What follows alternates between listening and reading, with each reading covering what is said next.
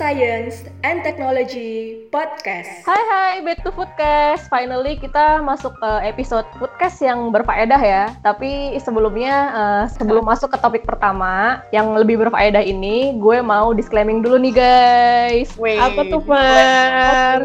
Jadi karena di episode 0 kita sempat ngebahas gue yang keluar jalur belajar ilmu komunikasi dan jadi paham bikin podcast. Uh, maksudnya itu nggak gitu ya guys ya? Oh, ya. ntar orang-orang jadi mikir ya kalau lo bilang gitu, terus kayak, wah kalau mau bikin podcast harus S2 komunikasi dulu ya. Iya, Gawat. Nggak gitu, kalau kalau kayak gitu nanti dunia perpodcastan di Indonesia bisa nggak berkembang gitu kan. Semua orang, oh gue harus S2 dulu nih baru bisa bikin podcast gitu. Nggak, nggak, nggak, nggak, nggak, nggak. Maksudnya kayak gitu. Iya. Nah, jadi maksudnya mungkin setelah gue belajar ilmu komunikasi, gue jadi lebih bisa menyampaikan pesan atau bahasa-bahasa ilmu dan teknologi pangan yang kata Irena kemarin sulit ya. Itu exactly. uh, gue sederhanain gitu kan supaya nggak ketinggian yeah. gitu. Hmm. dan bisa lebih santai tapi nggak keluar konteks. Gitu kan ya? Hmm, nah benar sekali. soalnya kalau kalau diinget-inget tuh dulu gue pas kuliah nggak ada tuh diajarin secara teknis bikin podcast gitu kan. Gue belajarnya ada ya? Iya gue kebanyakan belajarnya teori gitu kan. Hmm. ada sih materi uh, tentang komunikasi melalui audio dan untuk materi itu emang beberapa jurnalnya ada tentang podcast dan gue juga sempat ikutan baca lah. Tapi kalau untuk teknis bikin podcast sih gue ikutan pelatihan ya waktu itu ya kayak workshop gitu bareng Irena juga waktu itu ikutannya. Oh iya benar. Waktu itu bareng Irena ya. Walaupun kelasnya online ya Far. Lumayan lah. kan lagi pandemi ya kan. Pas banget iya, itu kelas pas kita mau bikin podcast. Uh, jadi itu disclaimernya ya guys ya, nggak harus S2 komunikasi dulu kalau lo mau bikin podcast jenjang pendidikan apa pun bisa gitu. Iya. Kalau mau bikin podcast ya udah tinggal bikin aja gitu dan mengasah kreativitas gitu kan. Dan, bener, dan, bener, bener. dan konsisten ya melakukannya ya. Iya, bener. Reminder juga sih Far buat kita juga ya waktu bikin podcast supaya kita juga konsisten nih bikin podcastnya.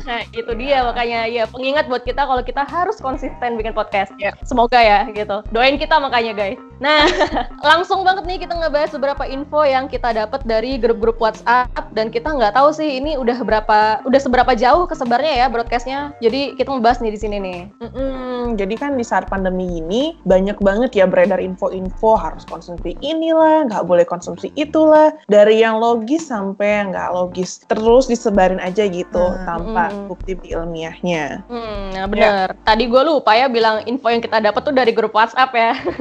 Maksudnya tuh broadcastnya dari grup, grup WhatsApp gitu. Uh, info-info pangan yang beredar itu ya emang yang kita pilih adalah yang terkait corona gitu. Ya banyak sih info hmm. broadcast yang kita terima banyak, cuman yang kita pilih di sini yang tentang pangan aja. Karena gimana pun ya, kita masih pandemi ya kan situasinya ya. Uh, makanya masih relevan untuk bahas isu-isu pangan terkait COVID-19. Yeah.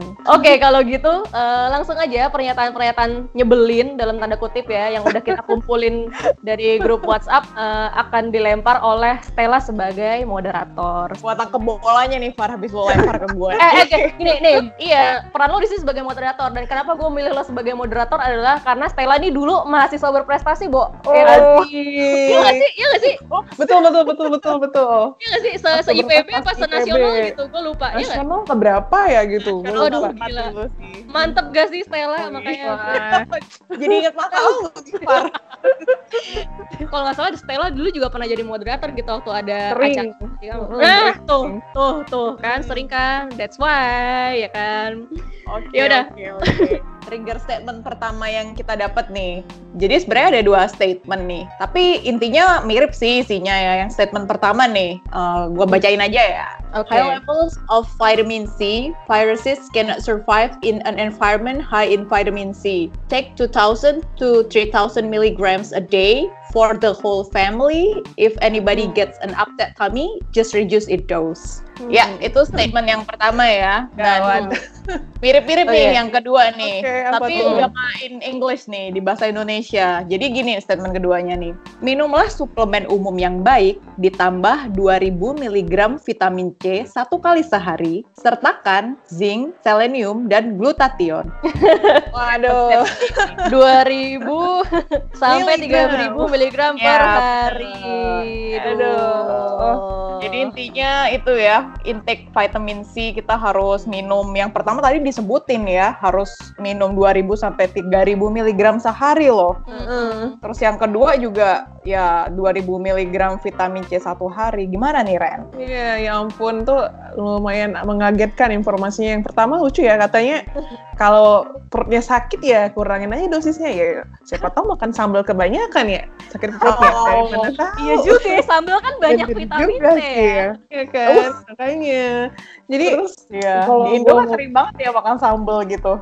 Mm, jadi ya lucu sih ya, trigger statement yang tadi Stella sebutin ya. Sebenarnya sih ya eh, kalau vitamin C, E dan segala macam itu bisa membantu ningkatin imun kita. Cuman asupannya dua- 2000 mg itu kebanyakan. Ya kalau sehat ngapain sih sebanyak itu masukin vitamin C? Hmm. Nanti ujung-ujungnya lo buang juga lewat pipis. Capek-capekin ginjal kan, apalagi kalau kita jarang minum air mineral nih sehari-harinya. Oh, oh nih bener banget nih, apalagi kalau kita keluar kan pakai masker nih, jadi makin jarang minum air kan, kan pada males copot masker gitu, terus harus minum air gitu ya, terus hmm, jadinya jarang banget bakal minum air mineral. Tapi sebenarnya kita perlu berapa miligram vitamin C sehari sih? 1000. Hmm, beda-beda sih, Far. Tergantung jenis kelamin, usia, dan Hmm. kondisi fisik. Nah, tapi kalau secara kasar nih ya, untuk orang dewasa sehat yang umurnya di atas 19 tahun, biasanya tuh butuh sekitar 100 sampai 120 mg per hari aja. Nah, Hmm. Hamil tuh beda kondisinya ya, 125 mg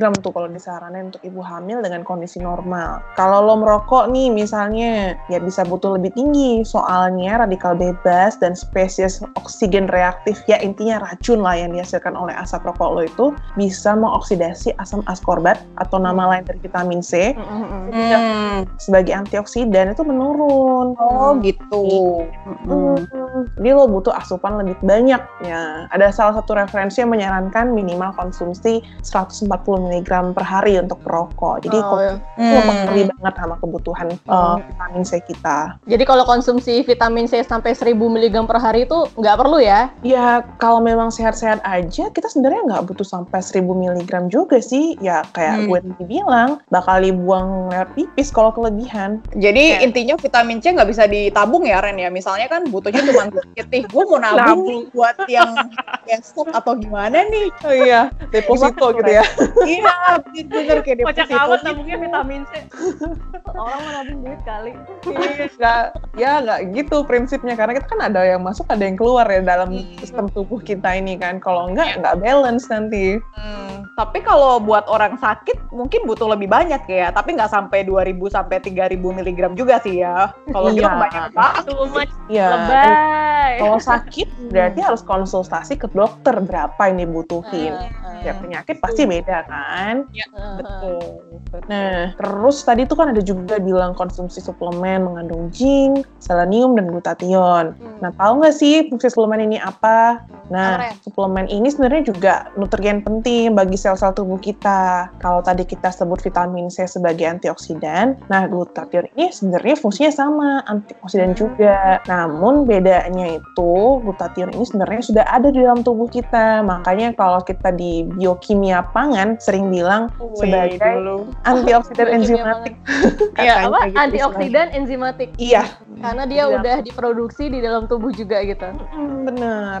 Jadi kita perlu nggak suplemen glutathione dari luar? Kalau kan tadi katanya udah ada tuh dalam tubuh. Nah, glutathione ini sistem kerjanya itu dan produksinya dalam tubuh didorong sama antioksidan lainnya dengan dukungan zat gizi lainnya seperti mineral zinc dan selenium dan mungkin juga antioksidan seperti vitamin C atau vitamin-vitamin lainnya. Jadi gue rasa ini perlu kita klarifikasi nih.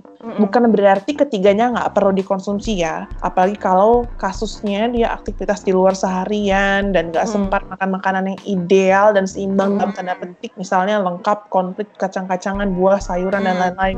Seimbang dan beragam itu kan kalau idealnya kan di piramida makanan kan. Iya benar. Perlu sih konsumsi suplemen-suplemen makanan seperti ini kalau diper- diperlukan gitu ya. Hmm, gitu ya. Terus jadi berapa banyak Ren yang perlu dikonsumsi kalau kayak buat zinc sama selenium gitu? Nah, kalau untuk zinc ini disarankan 8 sampai 11 mg dan selenium kecil banget sebenarnya guys, 55 mikrogram per hari untuk orang dewasa Oh. dengan kondisi fisik yang normal ya. Mm-mm. Kalau saya MCG ya, lagi- mikrogram ya. Hmm, Selenium. mikrogram. Dikit Ya. banget itu jumlahnya ya. Hmm. Iya dikit dan itu bisa kita dapat di makanan sebenarnya. Cuman kan nggak semua orang bisa kondisi makanannya ideal. Apalagi kalau di rumah sakit kerja kan sebagai Hmm. eh, garda depan kan. Bayangin pakaian aja ribet begitu kan. Iya. Jadi Iya benar juga ya. Mm-mm. Jadi zinc sama selenium ini udah banyak sih studi yang membuktikan uh, kalau kita konsumsi ini bisa menjaga imunitas tubuh yang diharapkan jadi benteng utama kita kan dalam pandemi ini untuk mencegah infeksi coronavirus kan. Cuman ya lagi-lagi diingatkan perlu dilihat jumlah asupannya, jangan Hmm. berlebihan. Iya. Kalau punya sumber atau akses alaminya yang nggak perlu lah Hmm. konsumsi suplemen, Iya. Gua nih kalau sehat ya mending makan pepaya dan mangga lah ya misalnya daripada makan Hmm. tablet vitamin C. Setuju, setuju. Dan Heeh. mengenyangkan guys. Ya iyalah, jelas lah. Minum jus mangga sama makan pil sebiji, ya lebih enak jus mangga yang ditelan ya kan. Ya, setuju, Far. Bisa dirasain gitu kan ya. Iya, manis Iya. dan enak seger pula. Apalagi kalau panas, Nggak ya ada kan akhir-akhir ini panas. Bener. Iya, itu siang-siang seger banget cuy. Aduh, gue jadi lapar nih. Ini hari ini panas banget kan? Aduh, lagi musim nih. Iya bener bener bener ya. Terus nih ada lagi nih statement yang lucu, trigger statement berikutnya ya guys ya. Oke. Konsumsi makanan atau minuman berdasarkan pH disarankan konsumsi pangan alkali atau pH basa untuk mengalahkan corona. Gila guys, ini untuk mengalahkan corona. Dari broadcastnya kayak gitu loh. Coba gimana gimana isi broadcastnya gimana? Hmm, ya lengkapnya nih gini nih, nih gue bacain lagi nih. Halo, saya Laila Ahmadi dari Tiongkok, Fakultas Ilmu Kedokteran Universitas Sanjan. Wih. Corona tiba di negara mana pun, cepat atau lambat, tidak ada keraguan bahwa banyak negara tidak memiliki perangkat atau peralatan diagnostik. Jadi, silakan gunakan sebanyak mungkin vitamin C alami untuk memperkuat sistem kekebalan tubuh Anda. Well, ini panjang banget nih guys broadcastnya Hmm. kayak berapa paragraf gitu. Jadi gua skip ke bagian yang dibilang penting ya. Ini kayak pentingnya sampai di caps lock gitu. Oke, oke. Oke. Gimana What's gimana? important? Ya, tapi ini gue sebenarnya juga agak bingung sih bahasanya ya. Gue bacain aja ya. Eh, coba coba. Untuk menyimpan pesan pada pengetahuan terbesar Anda, Profesor Chen Horin, CEO Rumah Sakit Militer Beijing, mengatakan irisan lemon dalam secangkir air hangat dapat menyelamatkan hidup Anda. Bahkan jika Anda bekerja, Anda harus melihat pesan ini dan menyampaikannya kepada orang lain. Lemon dipotong menjadi tiga bagian dan dimasukkan ke dalam cangkir. Lalu tuangkan air panas dan mengubahnya menjadi air alkali. LOL. Oh, gue boleh potong empat bagian nggak? Potong dadu Ren. Aduh, kalau dipotong jadi empat bagian efeknya hilang nggak ya? Atau masih ada? Iya, nih? nah, ini kayaknya menarik kok. Nah ini nih nih nih ada lagi nih gue baca ini dapat broadcast yang lain nih mirip-mirip yang kayak tadi sebenarnya isinya. Nah Oke, nih gimana? ada warningnya nih di awal-awal nih. Tenang dan bersiaplah secara rasional. Oke. Semua akan baik-baik saja. Wih, awalnya udah begitu. Ini untuk memberitahu kita semua bahwa pH untuk virus corona bervariasi dari 5,5 hingga 8,5. Hmm. Yang perlu kita lakukan untuk mengalahkan virus corona, kita perlu mengambil lebih banyak makanan alkali yang pH berada di atas tingkat pH virus. Hmm. Beberapa di antaranya adalah nih guys, bagian menariknya nih. Lemon 9,9 pH-nya. Terus ada lagi kapur 8,2 pH-nya. Terus disebut juga alpukat nih. Katanya pH alpukat 15,6. What? Terus ada bawang putih 13,2, mangga 8,7, tangerine ada 8,5, nanas 12,7, terus ada nih dandelion. Kayak itu bunga ya kayaknya kalau nggak salah ya. Ya, bunga sih tau gue. Ya, Berapa dia? disebut pH-nya 22,7. Wow. Terus the next jeruk katanya pH-nya 9,2. Waduh. Aduh. Gimana ya? Gimana ya? Aduh, lemon kan kalau dimakan asam ya? Dari mana ceritanya dia bisa kalau dimakan makan aja rasanya asam. Aduh. Terus Ini tadi alpukat pH-nya 15-an ya, mana ada pH sampai segitu. Pantesan aja Iya. lucu. Iya, di iya, bener. Jadi sekarang mungkin ceritanya nih, gue orang awam ya, yang ngerti sama sekali apa yang kita ketawain dari tadi. Apa sih yang kita ketawain dari tadi? Apa itu Hmm. alkali, apa itu asam, apa itu basa? Coba jelasin kak, biar pada ketawa juga. Iya, Oke. Kak, Kak Irena. Jadi kenapa kita ketawa-ketawa? Jadi gini deh. Sebenarnya simpelnya begini. pH itu tulisannya P kecil, H besar. Itu sebenarnya singkatan dari potential of hydrogen atau power of hydrogen dalam kalau kalau bidang kimia ya teman-teman. Jadi rentangnya itu sebenarnya dari 0 sampai 14 Hmm. gitu. Nggak ada tuh 15. Asam dan basa itu. iya, jadi 0 sampai 14 ya. Please. 0 sampai 14. Apalagi pH minus satu ya. Aduh, itu tuh suhu kali. Terus terus. Nah, jadi teman-teman itu asam dan basa itu sebenarnya sebenarnya semacam istilah untuk mendefinisikan suatu bahan sifatnya asam atau enggak yang dipengaruhi. Ini agak kimia dikit ya, jumlah ion hidrogen dalam bahan itu. Jadi Hmm. kalau kita waktu SMA tuh H plus tuh teman-teman waktu Ya, SMA OH tuh minus. kan. Gitu kan Hmm. buat yang basah gitu. Iya, Atau- oh hamin kalau yang basa kan Nah, itu Iya, kita agak flashback dikit lah. Masih inget kan gue walaupun keluar Wah. telur.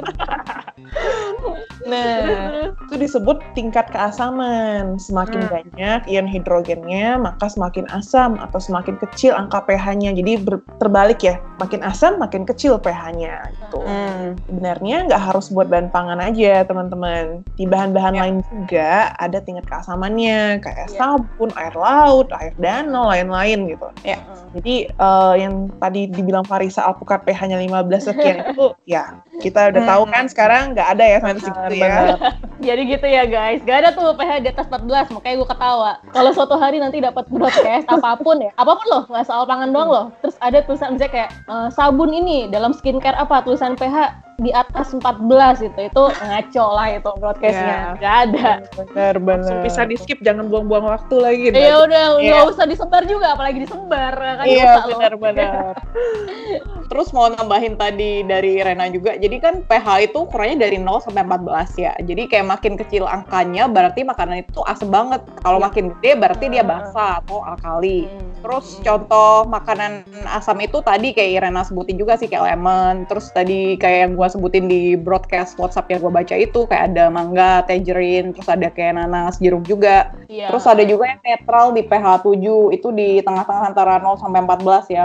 Jadi kayak dia netral gitu, tengah-tengahnya 0 14 kan ada 7 gitu. Nah, pH netral 7 itu contohnya yang paling gampang itu ya air putih yang kita minum tiap hari, itu pH-nya Betul. 7 gitu. Iya, kadang-kadang agak-agak lebih dari tujuh dikit gitu. ya tujuhnya tujuh komanya yang bawah-bawah lah. Mm-mm. Jadi emang sebenarnya untuk bahan-bahan pangan itu rentang pH-nya eh, ya itu tadi gue bilang kan ada 7,1 itu luas ya gitu. Hmm. Jadi untuk broadcast yang apa eh, disebutin Stella tadi kan pH-nya di atas 7 semua tuh. Tapi sebenarnya kan kalau kayak jeruk, lemon dan buah-buahan yang rasanya asam itu kan lebih banyak asam ya alias Iya. eh, pH-nya di bawah 7 gitu kan. Dari rasa juga kita udah kalau kita makan lemon bisa ngerutin muka sendiri gitu kan karena keasaman gitu. Hmm. Iya. Nah, kalau soal yang pH tadi kayak dari ukuran pH 0 sampai 7 itu juga kan itu jaraknya luas gitu. Walaupun kita bisa identifikasi kalau makanan ini asam, tapi pasti variasi pH dalam bahan pangan tuh ya macam-macam gitu kan. Apalagi angkanya juga boleh yang nggak bulat gitu kan, yang yang yang boleh pakai koma gitu kan. Hmm. Eh, Mm-mm. Tapi di pH ya bisa aja kayak pH 6, sekian gitu kan. Ya boleh lah pakai koma-komaan. Jadi ya Iya. kayak seluas itu skalanya pH tuh seluas itu gitu. Hmm. Walaupun sama-sama asam tapi kayak satu bisa bisa 5,5 pH-nya, satu bisa 4, sekian gitu. Iya. pH tuh seluas itu Benar. guys. Gitu. Mm-mm. Walaupun cuma Jadi dari 0 makanan- sampai 14 gitu. Iya, jadi makanan yang asam aja itu bisa luas rentang pH-nya. Ya. Jadi ngaruh banget gitu ke bahan makanan kayak kata Hmm. Farisa tadi. Mm-mm. Ya, bener Setuju, banget. setuju.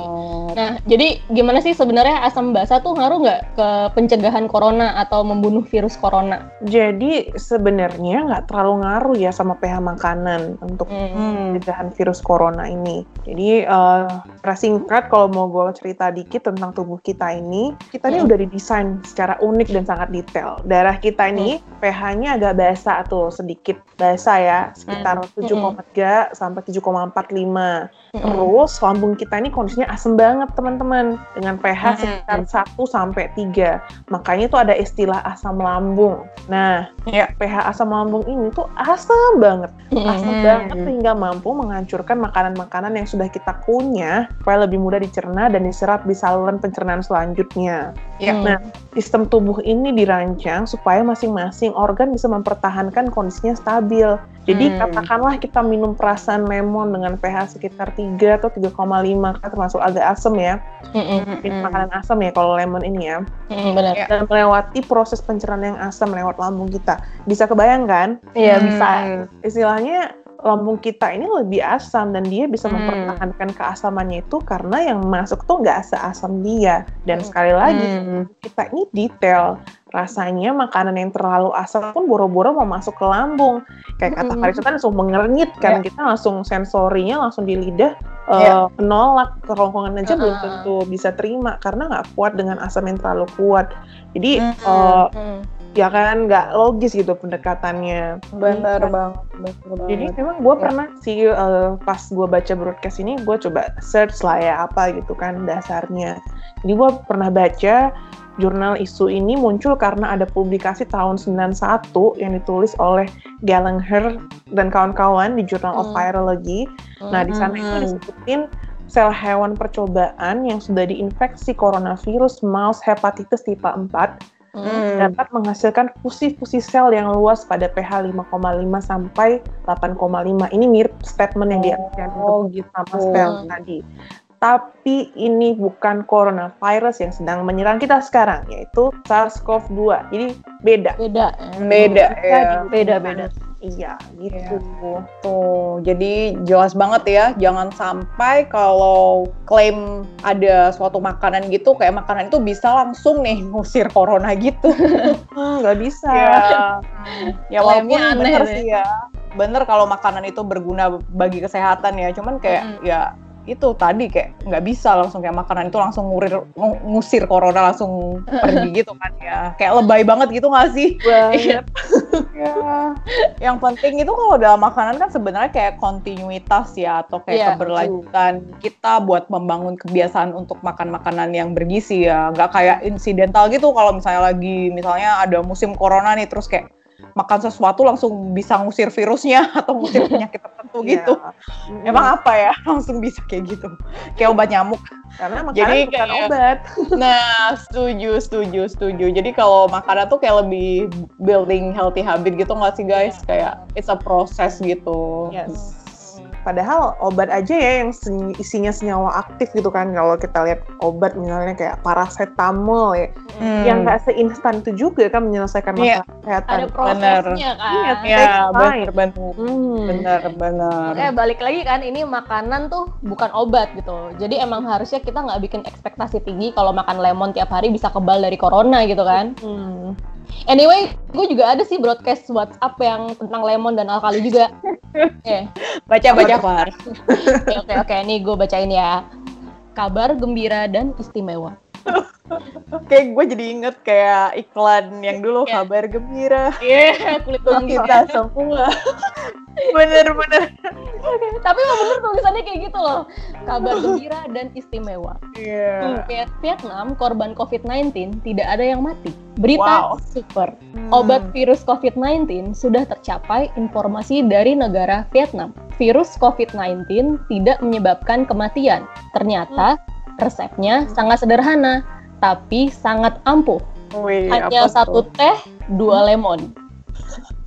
Minumlah teh panas setelah dicampur perasan lemon. Dapat segera membunuh virus COVID-19 dan Wow. dapat sepenuhnya menghilangkan virus COVID-19 dari tubuh.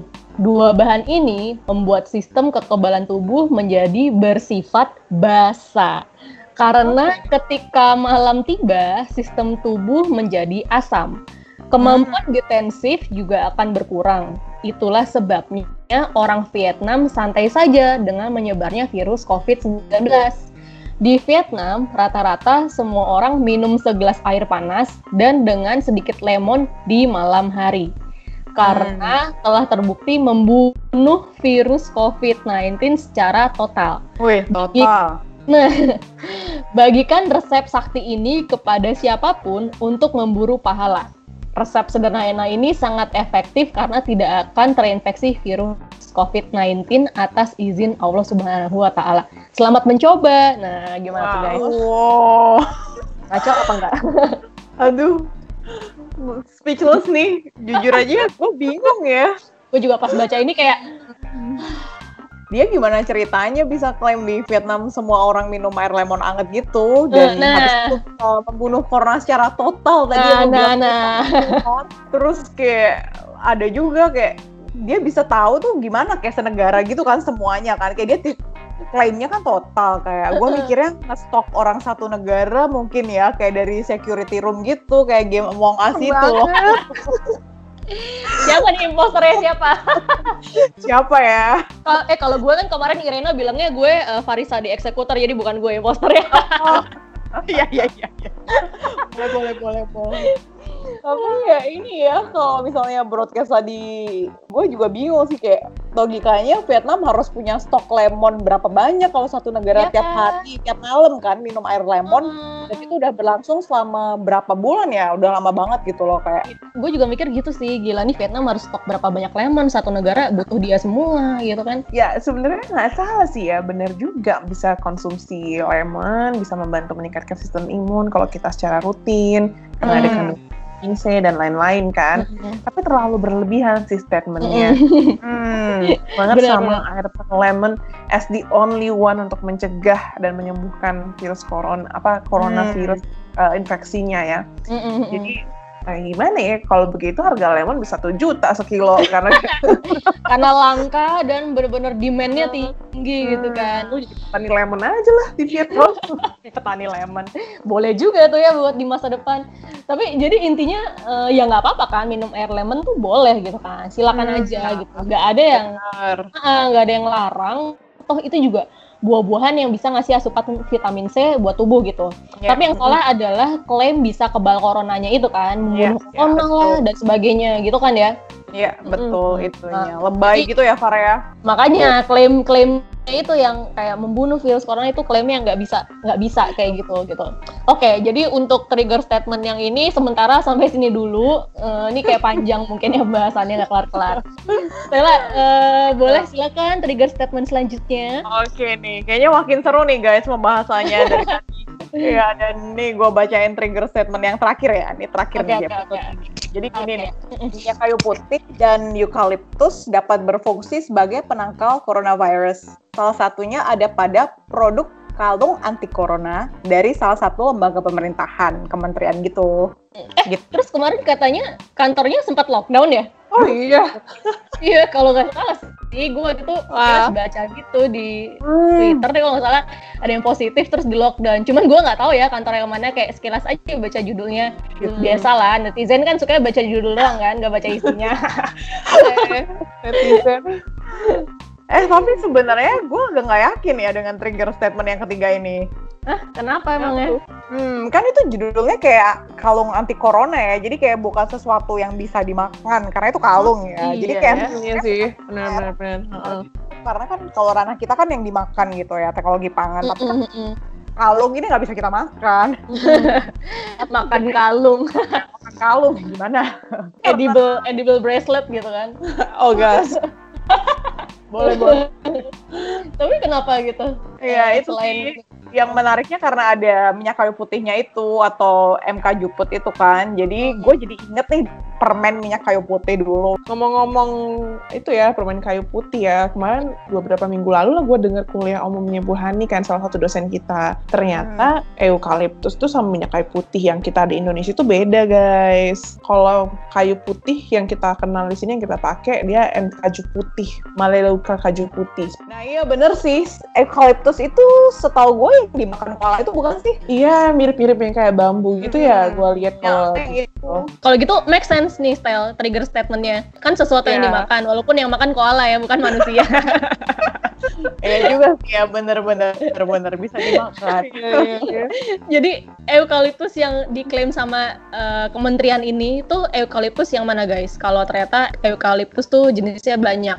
Nah, juga sih gua awalnya juga gua kira tuh uh, eukaliptus tuh sama dengan kayu putih yang biasa gitu kan. Hmm. Ternyata uh, beda. Ada eukaliptus sendiri, ada Melaleuca kaju putih sendiri. Hmm. Cuman memang ada studi molekular docking tentang hmm. kandungan yang ada di eukaliptus sama minyak kayu putih. Melaleuca kaju putih ini hmm. sama. Jadi mereka sama-sama mengandung senyawa 1,8 sineol yang diduga hmm. punya potensi untuk mengatasi infeksi dari virus corona. Tapi itu masih hmm. ini ya keluar docking ya, belum uji klinis. Tunggu hmm. tunggu tunggu tunggu tunggu. Kayaknya gue agak roaming nih. Mau keluar docking apa ya? Gue juga tuh kayak dari tadi mau keluar docking. Apaan tuh? Um, Taunya docking nih. Docking. Kalau docking nggak tahu. iya. docking yang itu ya apa ya? Apa uh, mudah-mudahan gue nggak salah nih jelasinnya. Jadi uh, molecular docking itu masih uh, uji modeling bioinformatik. Jadi oh. kayak coba-coba gitu pengerjaannya secara virtual atau digital. Nah kan kalau penelitian nih teman-teman, kan biasanya dicoba di lab basah ya, lab basah dalam tanda petik dengan bahan kimia dan lain-lainnya, dengan sel gitu kan. Misalnya senyawa A, B, C dicoba, bisa nggak menghambat virus X? Satu-satu tuh dicobain. Mana nih yang berhasil? ABC hasil ABC itu mana yang berhasil? Nah kalau molecular docking ini bisa memudahkan untuk proses screening. Di aplikasinya itu mempunyai semacam perpustakaan yang isinya informasi ribuan senyawa yang sudah dipelajari sebelumnya. Nah hmm. situ bisa diusulin nih hipotesis atau perkiraan senyawa-senyawa apa yang bisa menghambat target. Dalam hal ini SARS-2-CoV, SARS-2-CoV atau coronavirus yang kita kenal sehari-hari. Hmm. Jadi nggak perlu Jadi, dicobain uh, satu-satu mungkin senyawa di dalam eukaliptus ini ada seribu terus cobain seribu seribunya ke satu uang waktu ya waktu dan uang kan iya benar ya. benar jadi kayak bikin simulasi di software gitu ya? Iya. Jadi uh, kayak gue bilang tadi itu ya siapa tahu kan kita nggak uh, pasti ada senyawa aromanya, senyawa lain-lainnya yang mengandung hmm. dikandung eukaliptus ini ataupun di minyak kayu putih uh, berapa ratus, berapa ribu gitu kan. Kalau coba sesuatu nggak selesai-selesai. Hmm. Kita kan berlomba dengan waktu nih kan mengatasi yeah, uh, masalah kita sekarang dalam krisis kan. Jadi banyak riset yang udah orang mulai lakukan dengan berbagai rempah-rempah tanaman uh, menggunakan molekular docking dulu jadi screening hmm. yang berpotensi nanti harus dilanjutkan ke uji basah secara in vitro, in vivo, sampai klinis kalau mau jadiin obat. Senyawanya yang berpotensi dilanjutin gitu ke lab basah mm -hmm. gitu ya. Iya, kayak validasi jadi, gitu. Iya, benar. Jadi kayak main game dulu aja gitu, tapi ya game yang diurusin virus gitu kan. Atau senyawa kimia gitu oh, kan. God. Terus ya ada software-software kayak gitu ternyata. Tahu iya. gue. Terus uh, yang jadi referensi ini ya yang makanya kan penelitian klaim-klaim itu kan berdasarkan referensi yang sudah dipelajari orang lain juga kan. Hmm. Nah ini dia masih edisi preprint setidaknya terakhir gue baca sebelum kita diskusi ini ya. Istilahnya belum ada validasi gitu. Jadi kalau hmm. Misalnya mau publikasi jurnal nih, setelah kita tulis dan kira kita kirim ke penerbit jurnal, jurnal publikasi ilmiah ya, bukan jurnal diary ya. Iya iya Ren, paham Ren. Siapa tahu kan. Uh, nanti jurnalnya bakal direview atau dikaji sama diperiksa oleh reviewer yang kita nggak kenal dan nggak tahu siapa tapi yeah. bidang hmm. keahliannya di situ. Pokoknya random aja diperiksa sama orang lain yang hmm. ditentukan oleh penerbitnya. Nanti uh, mereka ini ahli-ahli ini akan cek, oh oke okay, ini layak untuk diterbitkan, make sense metodenya, oke okay, nggak penelitiannya dan sebagainya. Hmm. Terus bisa terbit jurnalnya. Gue juga agak paham sih waktu apa namanya uh, mekanisme kalau terbit jurnal tuh panjang gitu kan. That's harus right. di-review dulu, hmm. harus pa pa dari penelitiannya dulu aja deh itu panjang lah rangkaiannya gitu. Ya, cuman karena sekarang kan lagi corona nih, semua orang harus informasi tentang COVID. Jadi dikeluarin aja dulu supaya semua orang bisa baca udah sampai mana sih penelitian yang terkait corona. Jadi Hmm. ada overlapping penelitiannya. Tapi kita di sini sih nggak ngelarang ya untuk pakai minyak kayu putih. Silahkan Oh, aja mau pakai Tentu. ya. Iya, jadi kalau mau pakai minyak kayu putih ya pakai aja. Itu kan juga kearifan lokal Indonesia ya. Ya, iya Dari benar. kecil kita sudah pakai kan kenangan. Iya bener, anak dari- minyak kayu putih banget nih.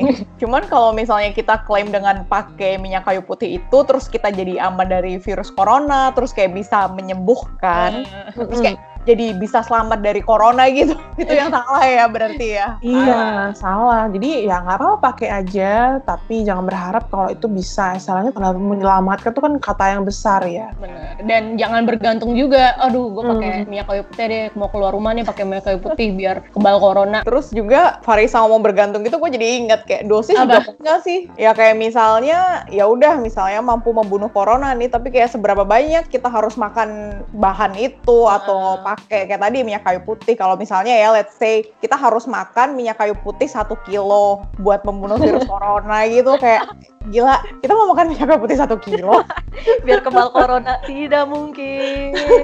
Jangan-jangan lu mati gara-gara kebanyakan minyak kayu putih lambung yang ada. Overdosis minyak kayu putih. Bener.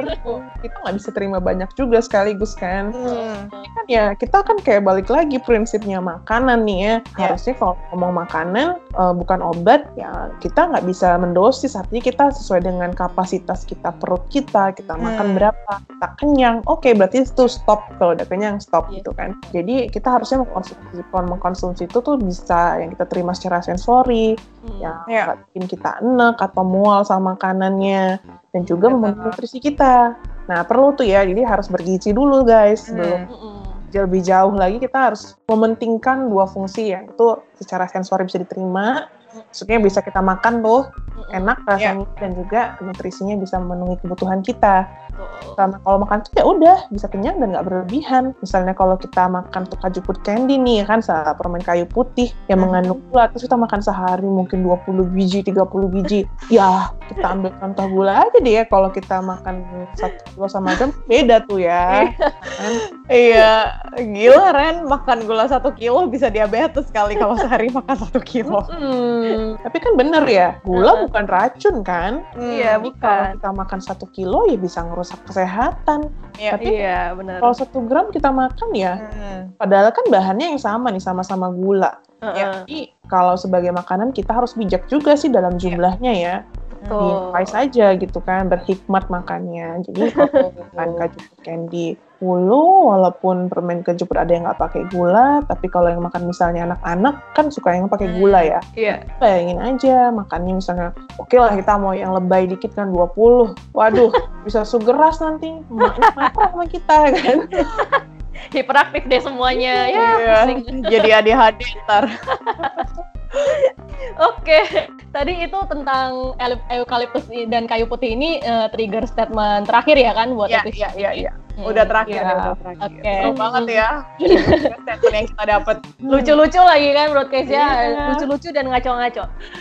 Oke, Iya ya sebelum mudahan ada yang masih mau nambahin? hmm, kalau dari gue nih ya prinsip makanan beragam itu bener sih Hmm. jadi jangan bergantung sama satu bahan pangan aja Mm-mm. itu nggak baik untuk kesehatan juga untuk sistem produksi dan ketersediaan bahan pangan kita kayaknya eh, misalnya tadi yang bener tuh statement Vietnam orang Vietnam minum perasan air lemon setiap hari satu negara itu kan bikin harga lemon mahal banget karena diburu orang ya padahal kan sumber vitamin C banyak ya Iya, betul. dari mangga Dari Oh. cabe. iya, Balik ke sambal lagi nih. Topik. Eh, nah, sayur-sayuran juga banyak kan yang mengandung vitamin C. Beragam aja apa yang disukai gitu, nggak usah paksa Hmm. yang nggak disukai kan. Hmm, kalau dari gua sih tetap sih kayak yang udah disebut di pre-episode kita ya. Kalau kita dapat informasi dari orang lain ya lewat broadcast WhatsApp atau apa pun medianya itu harus kita pikir dan cerna dulu nih, bener gak sih informasi itu? Kayak jangan langsung dipercaya terus kayak senam jempol forward gitu ya. Apalagi kalau misalnya langsung diaplikasikan gitu kan, kan kalau Ya, salah nggak bisa bahaya banget buat diri sendiri dan orang lain. Jadi Iya, kayak betul. mesti banget kita kayak cerna dulu, kita dicari, eh, kita cari dulu kebenarannya ya. Kayak kita belajar juga eh, mengkritisi apa yang kita dapat di pesannya gitu. Jadi kayak always uh, think before forward the message gitu kayak belajar berpikir kritis gitu Hmm. Oke, okay, uh, terima kasih ya guys sudah mendengarkan. Ini udah uh, di ujung episode ini. Tenang, hmm. ini masih episode pertama ya. Kita masih banyak banget topik-topik yang bisa dibahas di episode-episode selanjutnya. Ya, bener nih. Dan episode selanjutnya ntar kita masih akan ngebahas broadcast asal-asalan dari grup WhatsApp sih yang terkait corona kan ya, Faria? masih, masih. Ya, masih dong. Masih ada beberapa trigger statement lagi yang gue intip kemarin. udah ngintip aja. Uh, jadi silakan follow Instagram kita thefoodcast.id atau Twitter kita foodcast underscore ID supaya kalian bisa terupdate ketika kita rilis episode baru atau mau nanya-nanya dan ngasih-ngasih ide untuk ngebahas apa gitu kan. Yap, ya. Yeah. Oke, okay, sampai jumpa episode selanjutnya teman-teman. Stay safe and stay healthy guys. Terima kasih udah dengerin Foodcast. Semoga podcast kita bermanfaat ya. Sampai jumpa di episode selanjutnya.